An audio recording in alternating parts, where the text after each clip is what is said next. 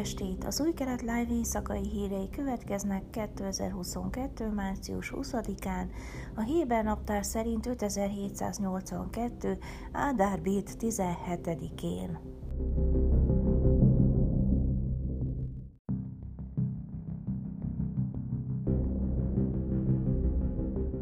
Naftali Bennett miniszterelnök a tervek szerint a jövő hónapban hivatalos látogatást tesz Indiában, megünnepelve a két nemzet közötti diplomáciai kapcsolatok 30 éves fennállását. A miniszterelnök április másodikán indul útnak, és találkozni fog Narendra Modi indiai miniszterelnökkel és más indiai tisztviselőkkel, valamint a helyi zsidó közösség tagjaival. Nagy örömömre szolgál, hogy barátom Módi miniszterelnök meghívására sor kerül első hivatalos látogatásomra Indiában, és együtt folytatjuk az országaink közötti kapcsolatok ápolását, mondta Bennett.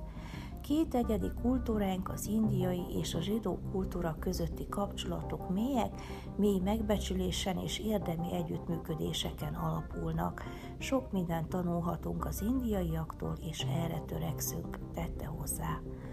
A miniszterelnök ígéretet tett arra, hogy más területekre is kiterjeszti az együttműködést, az innovációtól és a biztonsági, valamint a kibertechnológián át a mezőgazdaságig és az éghajlatváltozásig.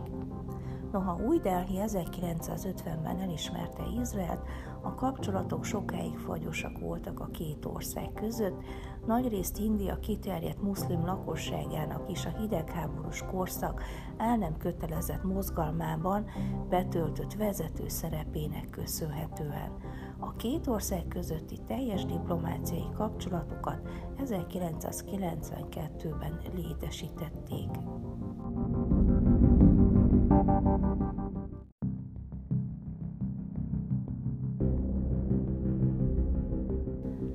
A védelmi szervezeten belül komoly aggodalomra ad okot, hogy a ramadán hónapjához közeledve fokozódik az erőszak, sőt az elmúlt hetekben gyakoribbá váltak a támadások Júdeában, Szamáriában, Jeruzsálemben és Izrael más területein.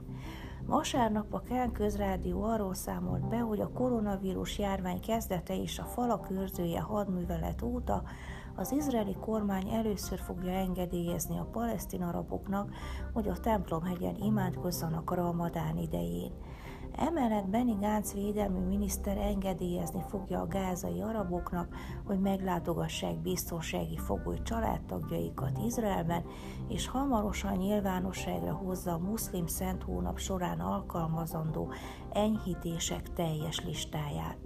Ezek nagyon komplex napok lesznek, és minden eshetőségre felkészülünk, beleértve a szélsőséges eseményeket is, nyilatkozta egy vezető biztonsági forrás a Kánnak.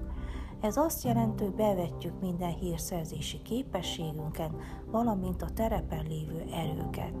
Ugyanakkor mindent megteszünk a palesztin munkások mozgási korlátozásának enyhítése érdekében, ami többek között az átkelők nyitvatartási idejének meghosszabbítását jelenti.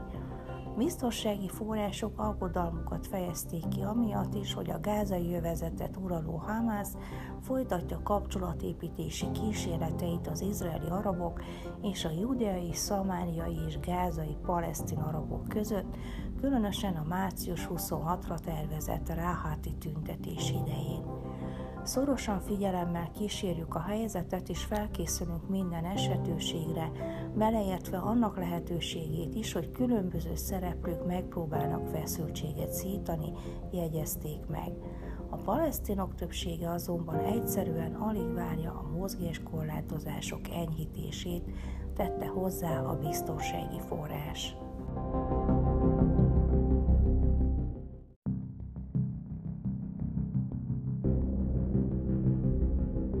Az Izraeli Demokrácia Intézet éves statisztikai jelentése az arab közösségek felsőoktatásban való részvételének forradalmát mutatja be.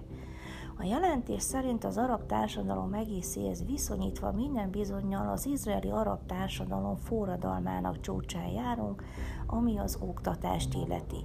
Így módon a felsőoktatási intézményekben tanuló arabok számának jelentős növekedése tapasztalható a felsőoktatásban, különösen a nők esetében és a bekövetkezett változás a foglalkoztatásban és az élet más területein is kihatással van. A felsőoktatási tanulmányokra való igény növekedésének tendenciája azonban ellentétes az arab társadalom ezzel szemben álló lemaradt részei közötti helyzettel, ami a bűnözés és az erőszak súlyosbodó problémáját táplálja. Az éves statisztikai jelentés szerint a Bagrut érettségi bizonyítvány szerző arab középiskolások aránya a 2009-10-es tanév 47,7%-áról 2018-19-re 63,9%-ra emelkedett. Ennek ellenére még mindig szakadék tátong az arab és a zsidó oktatási rendszer között. Utóbbiban a Bagrut bizonyítványra való jogosultság a 2009-10-es 61,8%-ról 2018-19-re 73,1%-ra emelkedett.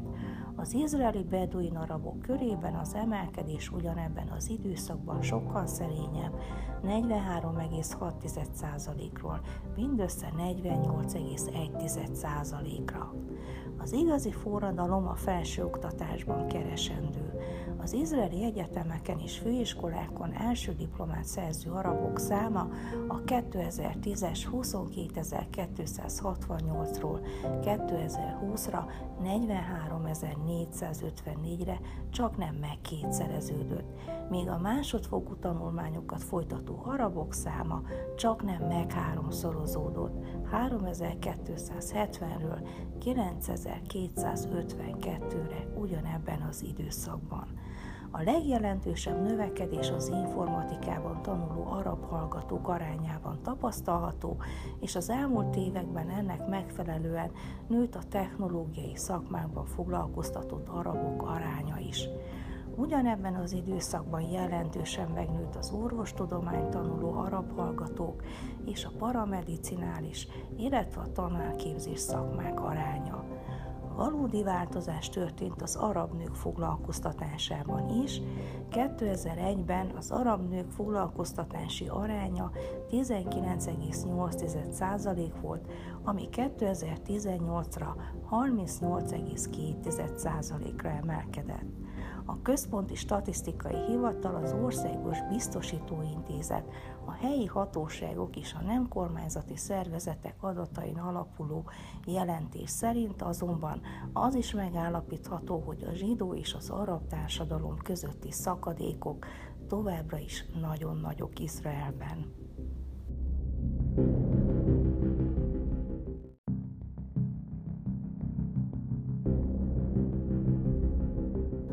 2022-es nemzetközi boldogság szintet mutató index felmérései szerint a zsidó elmúlt három helyjel előbbre a kilencedik helyre rangsorolták, ami egyúttal azt is jelenti, hogy Izraelt első alkalommal sorolják a világ országai között az első tíz közé. A jelentés szerint Izrael a legmagasabb rangú nem európai ország Finnország mögött, amely ötödik éve őrzi pozícióját, majd Dánia, Izland, Svájc, Hollandia, Luxemburg, Svédország és Norvégia követi. Izrael mögött a tizedik helyen Új-Zéland áll, majd Ausztria, Ausztrália, Írország, Németország, Kanada, az Egyesült Államok és az Egyesült Királyság áll a 17. helyen. A jelentés hat kulcsfontosságú jólétet támogató változó alapján rangsorolja az országokat, mint a jövedelem, szabadság, bizalom, egészséges várható élettartam, társadalmi támogatottság és nagy lelkűség. A jelentést a múlt héten a Boldogság Nemzetközi Napján tette közzé az ez fenntartható fejlődési megoldások hálózata.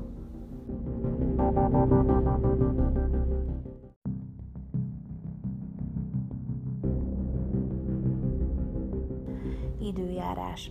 Hétfő felhős idő várható, Jeruzsálemben és Sajfán 12, helylátó 22, míg Ásdodban 14 és Tel Avivban 15 fokra lehet számítani.